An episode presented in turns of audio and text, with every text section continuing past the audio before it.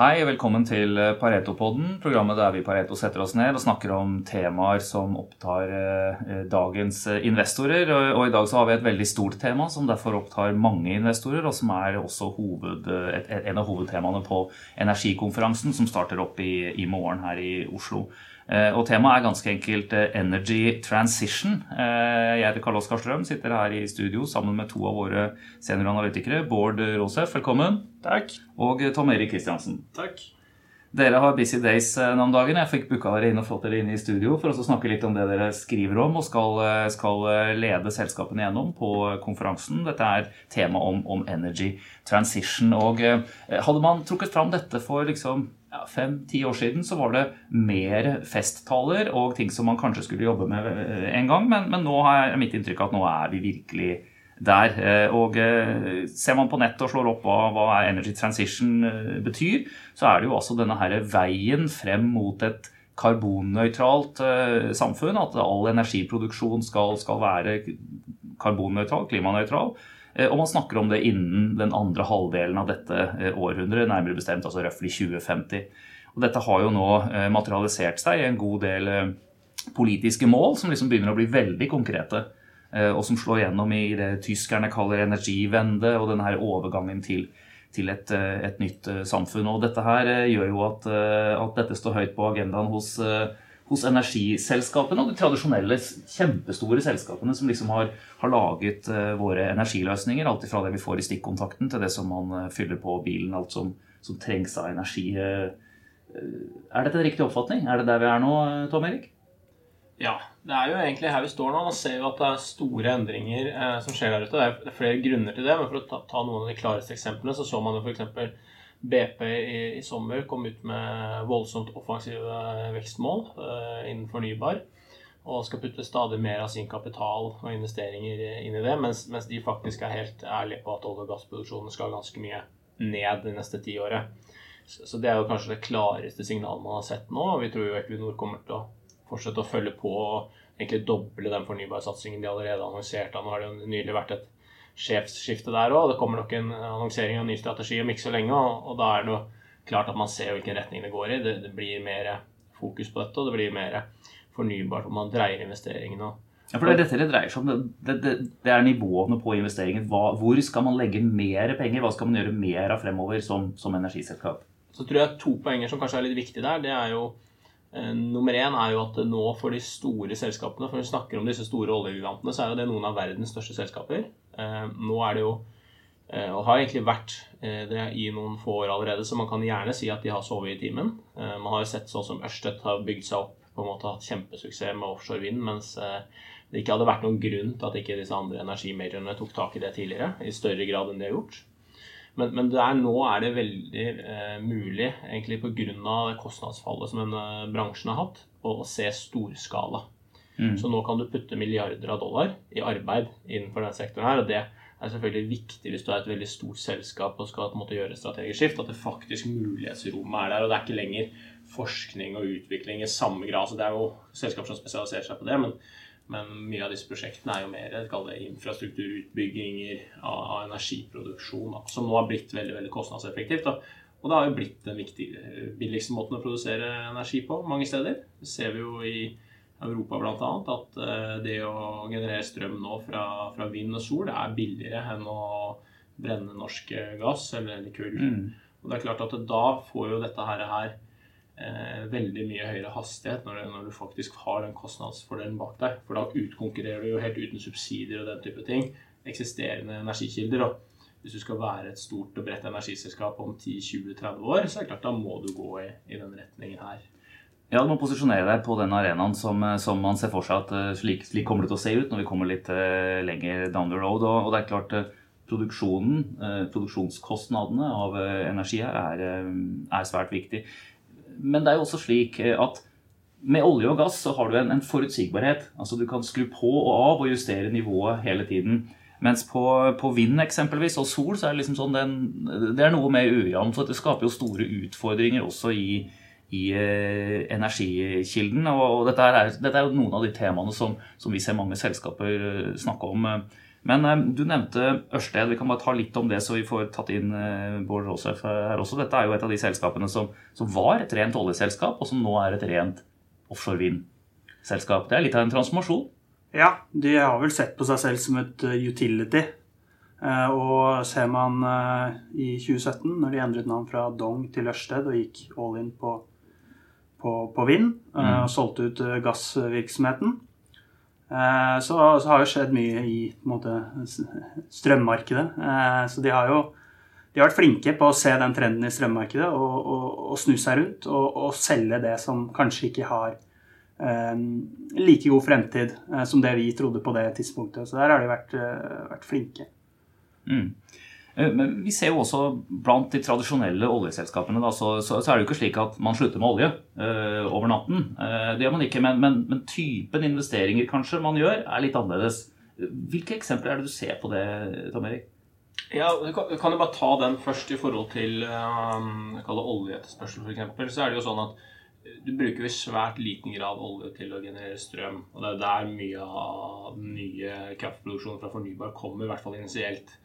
Ehm, så det er jo mer en sånn utfordring for å kalle kull- og naturgassiden. og mm. etterspørselssiden der. Og så er det jo sånn at i den grad du nå etter hvert ser for deg på en måte hvis, hvis, alle skip i verden begynner å gå på strøm, og du flyr på strøm etter hvert og den type ting, så er det klart da skjer det veldig mye innenfor oljeetterspørselen også. Så det er jo viktig der òg, men, men, det er jo ikke sånn som, som, du sier at vi kommer til å ha stor etterspørsel etter olje og gass lenge også. Eh, og de er viktige energibærere. og og gass er det jo mange som ser på som en del av eh, løsningen, i, i, form av nettopp den fleksibiliteten du kan ha da, på å skru opp og ned, eh, i hvert fall inntil du har kommet på plass med, med nye lagringsinitiativer. Da. Og det, det, er jo mm. svært viktig. Lagring av energi er jo en utfordring for fornybarbiten fordi det nettopp svinger i produksjon gjennom, gjennom dagene osv. Uh, sol f.eks. er jo på dagtid, vind blåser mest om natta. Eh, den type ting. Og der ser man jo også at disse store energigigantene nå og investerer. Eh, de er jo aktive innenfor batteriteknologi. Eh, men de kommer jo sannsynligvis eh, til å gjøre mye av det de har gjort i oljebransjen historisk, og gå inn og ta egentlig så mye som mulig av verdikjeden og ta del i hele da, prosjektet. Fra, fra, du både lager energien til du egentlig har den hos forbrukeren i større grad enn, i hvert fall før på, på nye sektorer. Mm, mm. For, for, Bård, du hadde oppe et ord her som jeg bare skal forklare litt for, for lytterne som ikke er så dypt inne i det. Men det, dette med utilities, man kaller det, det er jo, det er jo den eh, bransjebetegnelsen man har hatt på tradisjonelle strømprodusentene i, i internasjonalt. Og, eh, og, og, det er jo egentlig eh, slik å tenke på kan du si, energi som en service, på en måte. altså Det at du alltid skal være der og kunne levere. Men det er jo da gjennom Og her, det, her har vi hele fasetten egentlig av spekteret du har, du har, den veldig bærbare energien, som jo ofte kommer fra olje. ikke sant? Det kan du lage bensin av, fylle på alle mulige store og små installasjoner. Du kan, eh, kan drive de med det. Eh, og så har du eh, strømprodusentene, som jo gjerne er mer sol, vind, den type ting. Gasskraftverk som kan levere inn i det. Men så har du også disse her blandingen. Du kan bruke fornybare installasjoner til å lage eksempelvis hydrogen som blandes i gassen, slik at den blir mer miljøvennlig. Så her, her er det mange temaer. Det er veldig mange store temaer, og litt, litt, tilbake bare på det du sa. Den største fordelen til olje er jo at det er en helt fantastisk energibærer. Mm. Du får mye energi per kilo, som gjør at du kan ta det i fly, du kan ta det i biler, historisk sett. Nå kommer det gode batterier og sånne ting. Så det handler veldig, veldig mye om egentlig energibæring. Du har ikke brukt det til strømproduksjon, for det er for dyrt. Mm. Um, så øh, det med uh, en switch fra en oljeøkonomi spesielt handler jo veldig mye om lagring. Uh, og per nå så kommer det jo store hydrogeninitiativer i Europa. En del er industrielle, hvor du også har store utslipp, og hvor temaer som karbonfangst også er veldig, veldig aktuelle. Og I tillegg har du batteriteknologi som utvikles hver dag. Per nå har du jo fortsatt ledende litium-ion-batterier, vanlige bilbatterier. fordi mm Tesla og andre har, eh, har, eh, har, utviklet det veldig bra over de siste ti årene. og Kostnadsutviklingen har vært god, men eh, det er klart det er ikke så bra for langsiktig energilagring. og eh, I tillegg til at eh, både eh, vind og sol er uforutsigbart, så strøm i seg selv er ikke så lett å lagre. Nei. Så, så, så du, trenger, du, trenger, et lagringsmedium, rett og slett. og der er det jo enormt mye spennende forskning som får pågår over hele verden. Jeg så f.eks., uh, for å bare illustrere hvor vi er i dag, uh, så så jeg et prosjekt hvor de løfter sementblokker med en kran opp i en slags Hva skal jeg kalle det? Et slags tårn. Ja. Når det er overskuddsenergi, så bruker de energien til det. Og når det er underskudd, så kan de senke den og bruke Kall det det du gjør med en dynamo på en sykkel Eh, på å produsere energi, og, og, og, dermed være en måte for langtids energilagring. Og det er faktisk like, eller bedre enn batterier per i dag på langtids energilagring, som sier skitt om hvor vi er i dag. Ja. Så eh, jeg pleier alltid å si at eh, jeg tror det er grunn til å være veldig optimistisk der, for det, det skjer så enormt mye uh, as we speak. Det er spennende batteriprosjekter, det handler om kjemi over hele kloden. Uh, I tillegg til alt det du ser rundt hydrogen, hvor kostnadene kommer til å falle dramatisk uh, de kommende årene. Per nå er det jo egentlig på et prekommersielt sted. Så, så, etter koronavaksine så er det nummer to i verden på R&D, og etter det kommer alt annet. sånn jeg ser på det. Det er noen utfordringer her også for eh, særlig da de tradisjonelle eh, oljeselskapene. Og du var på en måte litt indirekte inne på det, eh, Bård, men jeg spiller ballen videre til, til, Tom Erik her. fordi at du går som selskap fra å ha investert i noe du, du kan veldig godt, har drevet med det i veldig mange år, og det har egentlig hatt ganske høy return on investment, til også å investere i noe hvor, hvor, det er litt mer usikkert. Ikke minst fordi når installasjonene først er bygd, så kan strømprisene risikere å gå i null, som man har sett noen uh, tilfeller nesten i, i, Europa her. Så, så, dette her er jo en, en litt annen type uh, investeringsbeslutning som man, uh, man ser. Hvordan, hvordan, forholder man seg til det? Jeg tror Det er flere ting å tenke på her. Jeg tror det er å ta tak i. Én ting, bare for å ha sagt det, da, er jo at man, det man ofte har sett i olje og gass, og i hvert fall i senere årene, og det gjelder egentlig ikke bare de siste par årene, men liksom fem og ti år tilbake i tid også, hvis du ser på de store selskapene, eh, altså typisk majors, da, mm. så har jo de eh, skuffet voldsomt på hva de faktisk har gitt i avkastning til investorene. Så, så, når man hele tiden da sier at liksom, disse oljeprosjektene f.eks. er så enormt lønnsomme, så er det ikke alltid at du ser det i bunnlinja på Equinor. Så det skjer mye mellom her. Ja. Så, så, man ser jo f.eks. et poeng vi kommer til å highlighte under konferansen her, så ser vi f.eks. at Ørsted har jo levert mye høyere avkastning på kapitalen enn det snittet er for uh, oljeselskapene uh, de siste årene.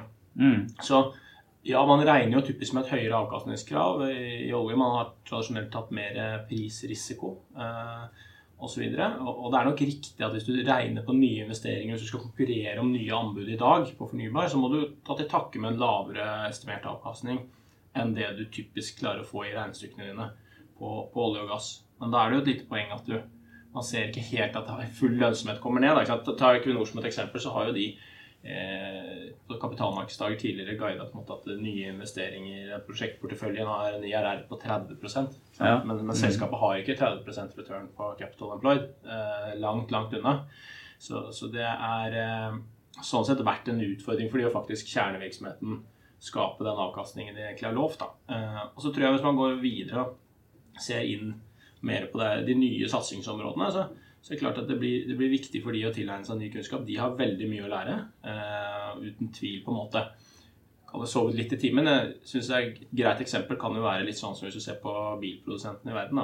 Ja. Så er det jo ganske åpenbart nå at uh, elektriske biler blir stort.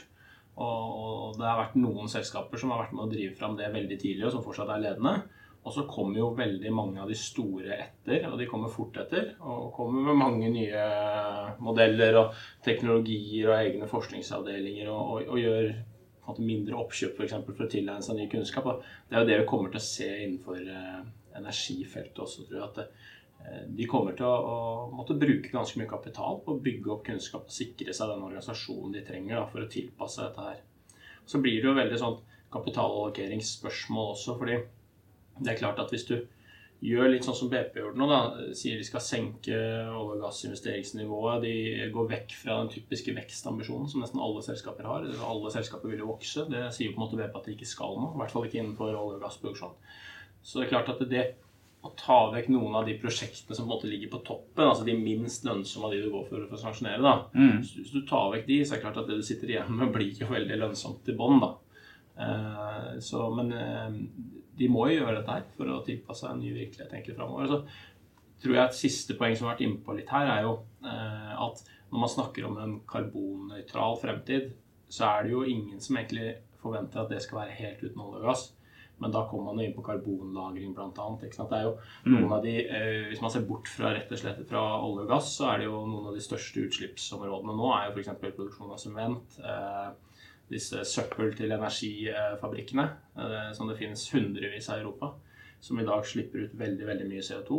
Eh, og hvor karbonlagring på sikt måte, må være en del av løsningen. Hvis du ser sånn typisk ja. regnestykke, hvordan går du herfra til å nå Paris-målene, så er det ingen som klarer å regne hjem det uten også å ha en del sånne nye initiativer. Da. Og som Bård har vært inne på, spesielt på energilagring. Og du er jo avhengig egentlig av å utkonkurrere kull spesielt. Ja, her er det jo ting som ligger nesten ett knepp lenger frem enn det som selskapene driver med nå. Men det har jo vært snakk om både å på en måte kjøre en del av disse her gassrørledningene nesten i revers, og så ta karbon og dytte ned igjen i, i felter i Nordsjøen. Du har andre initiativer som går på å lage eh, syntetisk drivstoff av karbon igjen og blande det med, med, andre gasser. Sånn at du på en måte bruker det om igjen. Så, så, så her er det mange ting som er spennende. Men, eh, men det er én ting jeg vil ta og, og, bite litt fast i når, du, når vi snakket om kapitalavkastning på de ulike investeringene her. Og det er den ene aktøren som egentlig er en elefant i rommet, men som vi jo bør kjenne godt her i Norge, og det er staten.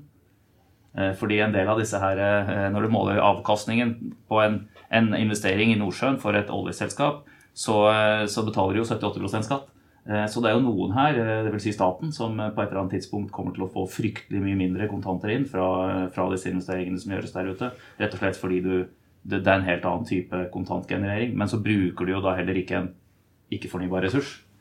Som egentlig på en måte er det vi har fått betalt for. En slags grunnrente ikke sant, av, av dette her. Ja, og det er, det er, jo helt riktig. Og det er jo noe som kanskje en del oljeselskaper i verden burde vært hakket bedre på å, å få fram det er jo at de bidrar jo eh, en god del til statskassen rundt omkring med, med nettopp at de har eh, som regel en veldig høy skattesats. Eh. Men det er jo ikke det sånn at det, det er et argument som lenger gjør at det er ok å, å drive virksomhet med høye utslipp. Og, og kommer jo til å se det bare mer og mer, at det blir et økt fokus, tror vi, på egentlig to ting. Det er jo enda bedre og mer nøyaktig rapportering av, hvor du står, og, mm. hva du faktisk bidrar med. Én ting på, selvfølgelig på utslippssiden, men, men også liksom, hele ESG-uttrykket. da, I forhold til uh, de sosiale tingene også.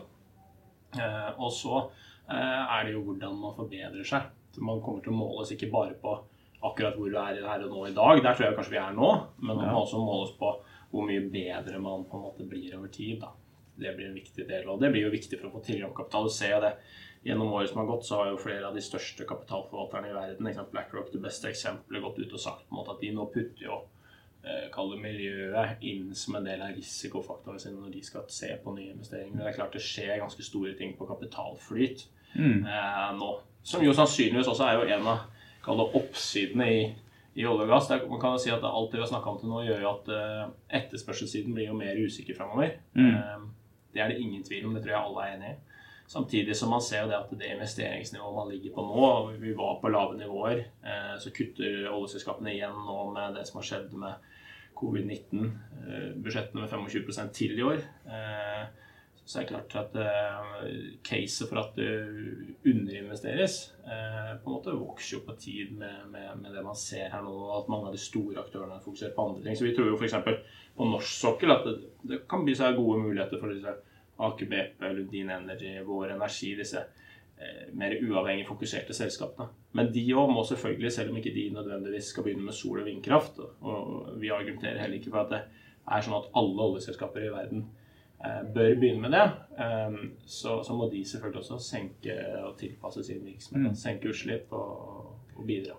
Men Du hadde fremme et viktig poeng her. Eh, fordi eh, Vi som meglerhus sitter jo i midten sant, mellom investorene og selskapene. og Det er jo ofte det, en sånn konferanse som det vi nå skal holde denne uken her også, eh, som jo er den største konferansen vi holder i løpet av året. Det dreier seg jo om at selskaper og investorer skal møte hverandre. Og, og, og dere sitter jo ofte med i disse møtene. ikke sant, og Da, da, da er jo dette her eh, altså, Hvordan har dere sett over de senere årene endringene til til eh, investorene, altså disse store kapitalforvalterne. Hva er det de spør om? Hva er det de setter av krav liksom, til selskapene når det gjelder dette med det temaet vi har oppe her i dag?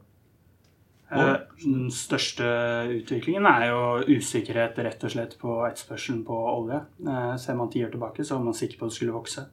Ser man fem år tilbake, så var man litt usikker på hvor mye det skulle vokse. Og nå er det mange som av investorene som de veldig veldig mange tror på et sånt rapid transition scenario, som er positivt for verden. Hvor oljeetterspørselen kan falle om ikke så altfor lenge. Så, så, jeg tror det er en, en stor forskjell. Og da Jeg har jo dekket mye tradisjonelle oljeserviceaksjer. og det er klart, I 2013 var det vesentlig flere investorer som ringte meg enn det som er nå. De, veldig mange av de energispesialistene er jo eh, borte eller blitt eh, tilpasset seg og blitt eh, bredere og begynt å fokusere på fornybar energi. I tillegg til at generalistene er mindre interessert. Når jeg begynte, eller I 2013 så var Exxon Mobil verdens største selskap. Nå er det en tiendedel av Apple. Um, vektingen på SMP er godt under 2 ja, energi er eh, fryktelig lite der nå. Energi er fryktelig lite. Det er ikke så relevant for generalistene. Det er ganske lett å kutte ut. Og i tillegg får du strenge SG-reguleringer som gjør at du i hvert fall ikke vil investere i det. Eh, og eh, kall det spesielt i andre land, da, så må du jo ikke investere i Exxon Mobil. Nei. Og du trenger ikke, hvis du ligger undervekt i Exxon Mobil, så ligger du ikke veldig skeivt i forhold til indeks hvis du er en generalist. Så Eh, det, er, eh, det at de selskapene er blitt mindre, har også gjort det lettere for store generalister å rett og slett unngå de selskapene, spesielt når det kommer veldig mye strengere eh, regulering og rapporteringskrav, spesielt i Europa. Men jeg hører det du sier, det er sånn som, som man jo har hørt en, en stund nå, og, og, jeg tenker tilbake på finansboka, så, så, så, så, ringer det en bjelle som sier høyere kapitalkrav til, til, selskapene, egentlig. Det er på en måte det det er, ikke sant? Du, for å skulle kunne tiltrekke seg Eh, investorer. Det er ikke fullt så mye penger som står klar til å gå inn i den type eh, selskaper lenger. Og, eh, og det, det, blir da høyere kapitalkrav. Men det kan jo ofte bety at de som faktisk går inn der, da vil få en høyere avkastning også. fordi at det er liksom de beste prosjektene som, som tas. Hvordan ser du på dette her, Tom Erik? Ja, du ser det. Du ser det på prisingen av selskapene. Du prises helt annerledes enn før. Det er jo som Bård inne på, du prises ikke lenger som en sånn vekstindustri.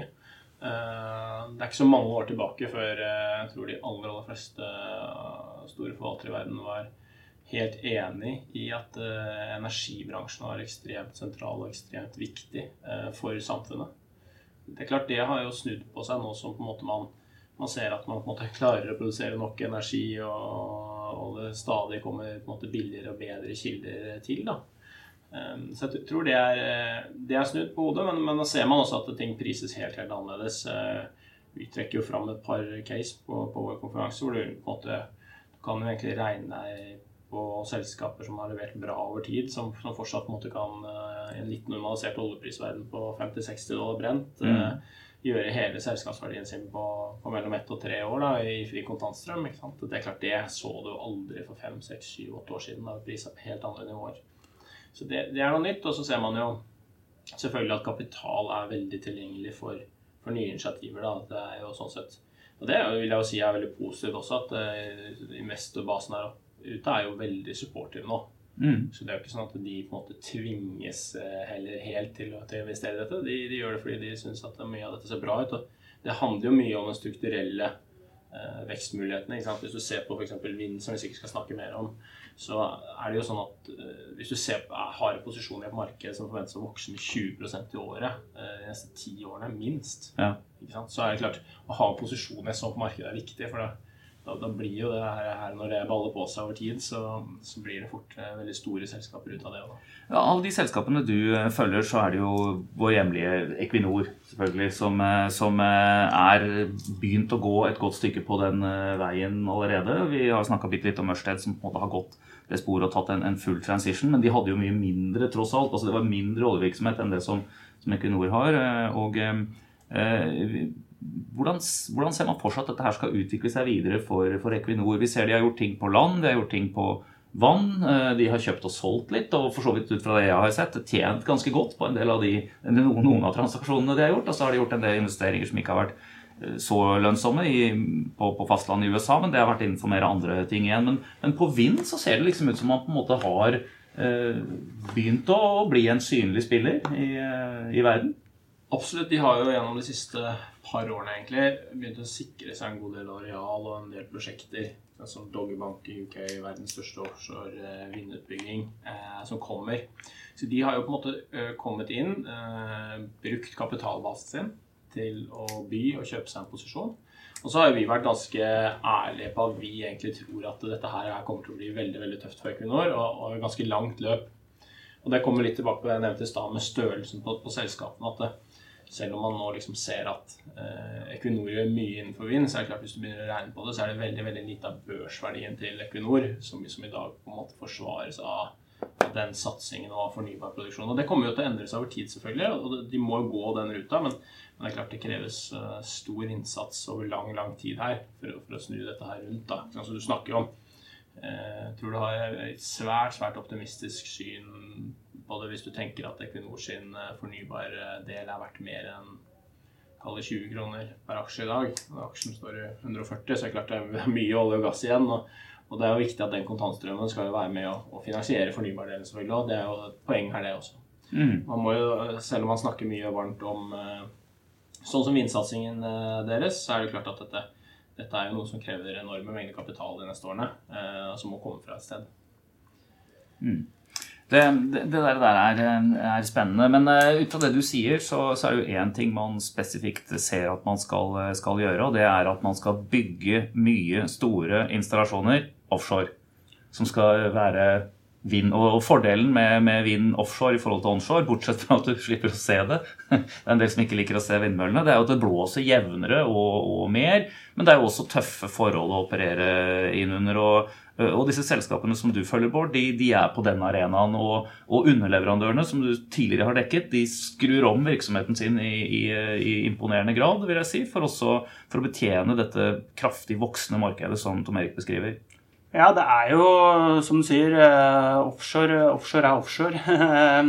Du skal jobbe i det samme Du skal gjøre veldig mye av det samme. Eh, det er en del utstyr fra olje- og gassbransjen du ikke kan bruke. Du, kan, du, skal ikke bore noen hull, så rigger trenger du ikke på en måte her. Eh, du skal ikke nødvendigvis skyte veld, veldig mye seismikk, du skal gjøre noe geotekniske service. Eh, og du trenger ikke en FSO. Men mye av kompetansen trenger du. Mm. Og offshorekompetansen sitter i veldig stor grad, men jeg er hos serviceselskapene. Og et selskap som Subsea 7 gjør installasjonsarbeid og eh, det er ganske likt eh, olje og gass. Du skal ha noen, eh, noen kabler. Eh, de legger kabler. Arc Solutions lager kabler. Eh, og det skal du ha ganske mye av. Eh, eller Arc Solutions lager, lager sånn umbilicals, da. for å være presis. Og, og, og, de skal installere disse plattformene som vindmøllene skal stå på. Mm. og det er ting Subsea 7 har vært i en god stund. Eh, og per nå så utgjør det neste år mener vi som ca. en fjerdedel av businessen. Eh, og det som det kanskje skjuler litt, er at de er faktisk topp tre i både kabellegging og installasjon av, eh, av plattformer til vindmøller. Det er bare at per nå så er det fortsatt et, en bransje som totalt sett har mindre investeringer per år enn olje og gass. Vokser drastisk. Olje og gass faller jo, som Tom inne på, 25 til i år. Nærmer seg, men uh, det er litt sånn Equinor. Dette er et langt løp. Det er et langt løp for Subsea 7, det er et langt løp for Equinor. Men disse serviceselskapene er i utgangspunktet, mener jeg, minst like bra skikket til å uh, gradvis vri i den retningen. I hvert fall mange av dem.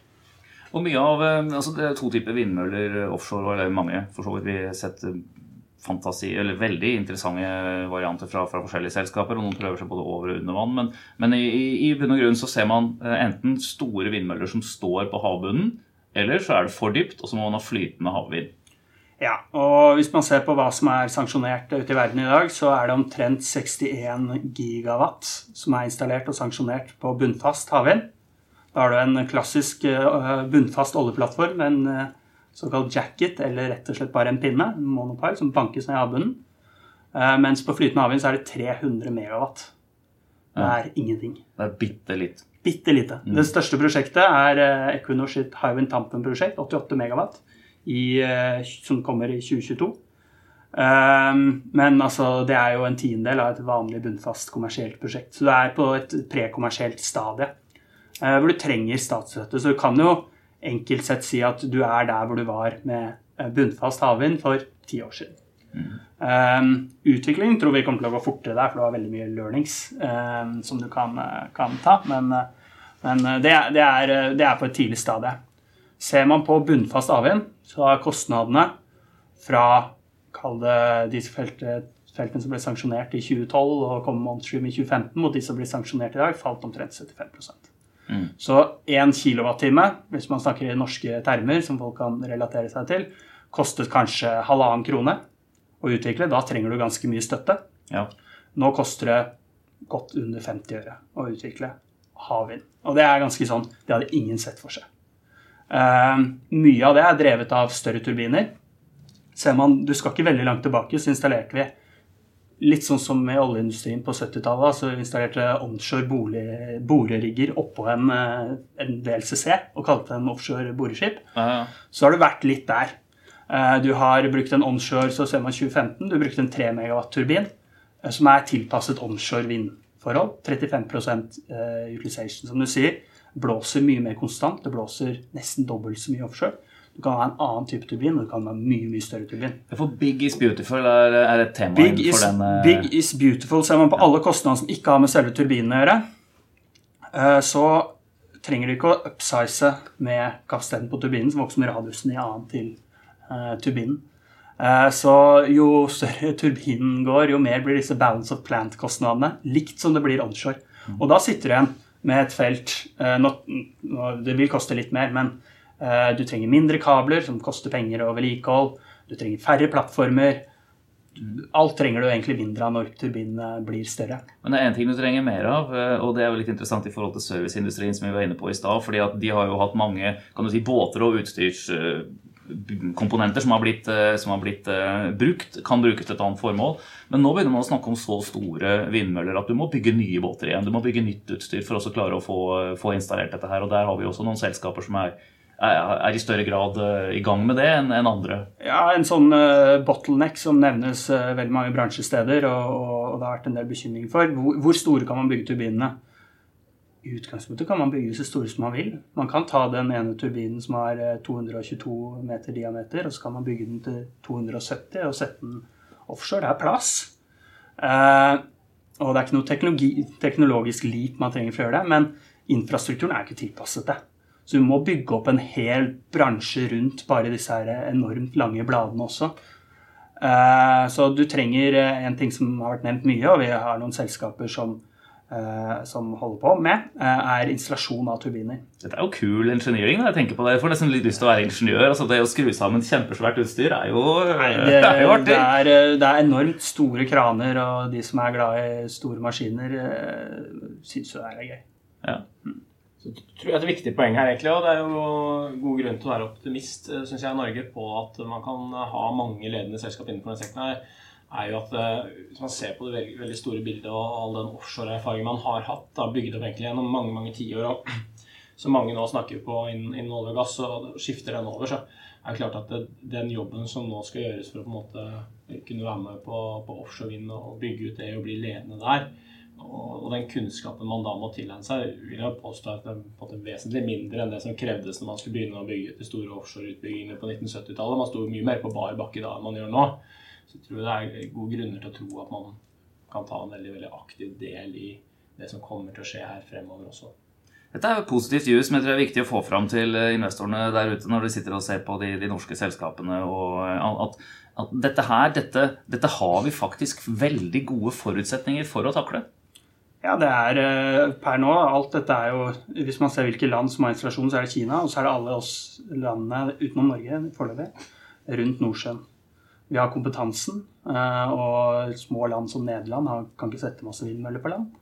Og det er de som utvikler eh, denne offshoreteknologien og kan det.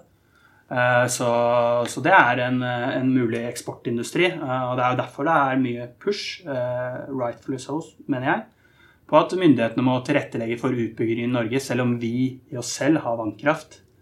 Eh, for å rett og slett la norsk serviceindustri omstille seg og, og utvikle seg.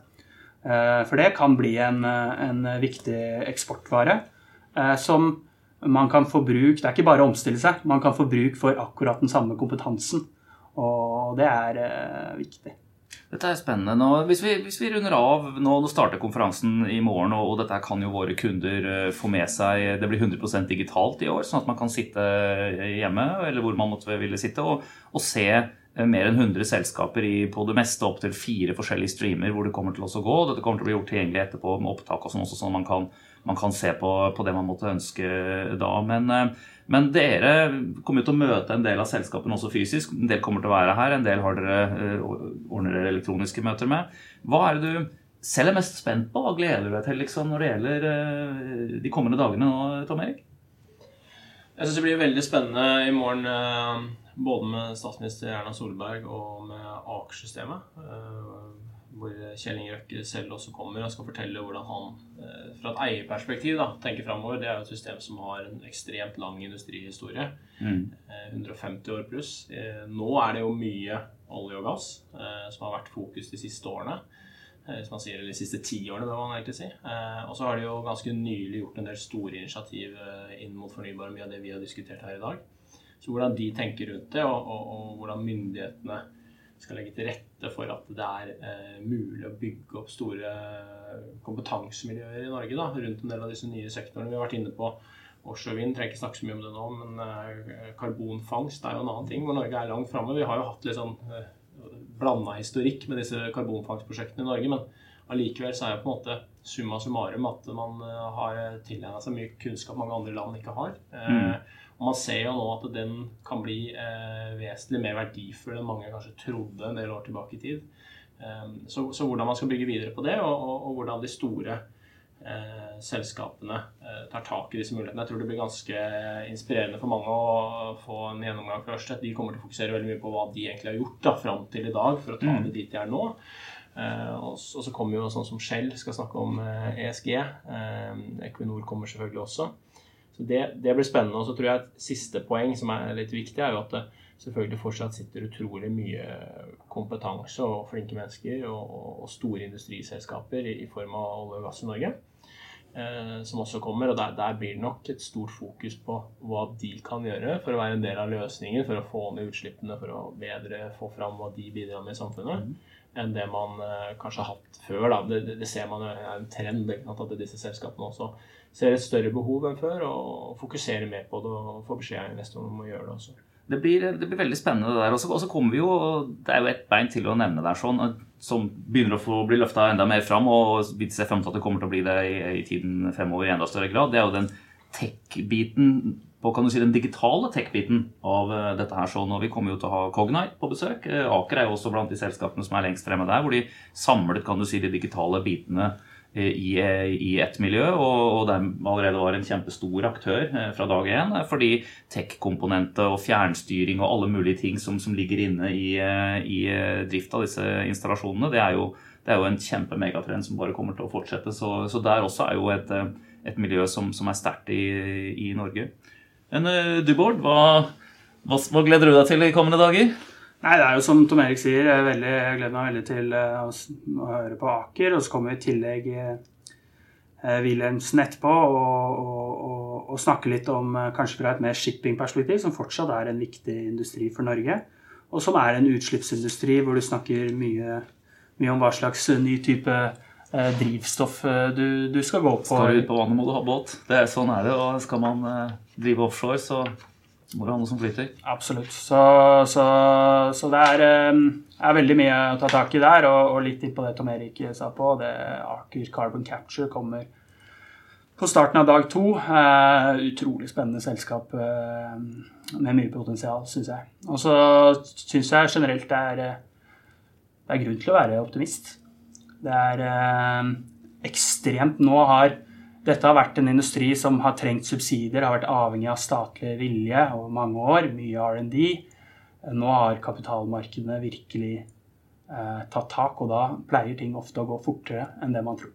Ja, for dette her er jo det inntrykket jeg også har fått. Altså, nå er det jo på en måte, det, det, Man maler ikke en, en kølmørkt bilde av, av, fremtiden nå, men, men, snarere tvert imot at dette her dette er noe som, som man får til, og vi har gode forutsetninger for å, for å klare denne her. Men det, det, er mye, det, er mye, jobb, det er mye jobb, og det ligger foran oss i årene som, eh, som kommer. Da vil jeg takke Bård Råsef, Tom Erik Kristiansen for disse minuttene her i dag på denne podkasten. Hvis dere der ute liker det, lik og del som det kalles. Vi eh, sier at, eh, at eh, vår konferanse er tilgjengelig for aktive kunder av Pareto Securities sine elektroniske handelstjenester. Det vil altså online kunder av oss i i stort sett Norge og Sverige. Det er der vi har det, de tilbudene. Og uh, man må rett og slett bare være kunde, for det er via kundeweben du kan aksessere dette her. Men det er jo Det rekker man fortsatt å kunne bli innen, innen, morgendagen, så det er bare å slenge seg på hvis man, hvis man vil få med seg dette her. Ellers så vil man jo da i ettertid kunne aksessere en del av opptakene fra selskapene i, på, på, den samme nettsiden kundeweben vår. Og det gjelder jo også for institusjonelle kunder som, som bruker den til å, til å lese analyser. Der ligger jo også sektoranalyser eh, og eh, selskapsanalyser og alt bakgrunnsmateriale som man trenger egentlig, og som er kjekt å ha på skjermen når du da skal se selskapene tale. Det blir eh, mer enn 100 selskapspresentasjoner i løpet av to dager. Det blir tematiske bolker. Det blir innledning fra statsministeren, fra vår egen ledelse og fra Aker-systemet. Det, det, blir rett og slett spennende, det her. Så ja, da skal vi si vel møtt alle som, som følger konferansen, og så, og så ses vi neste korsvei.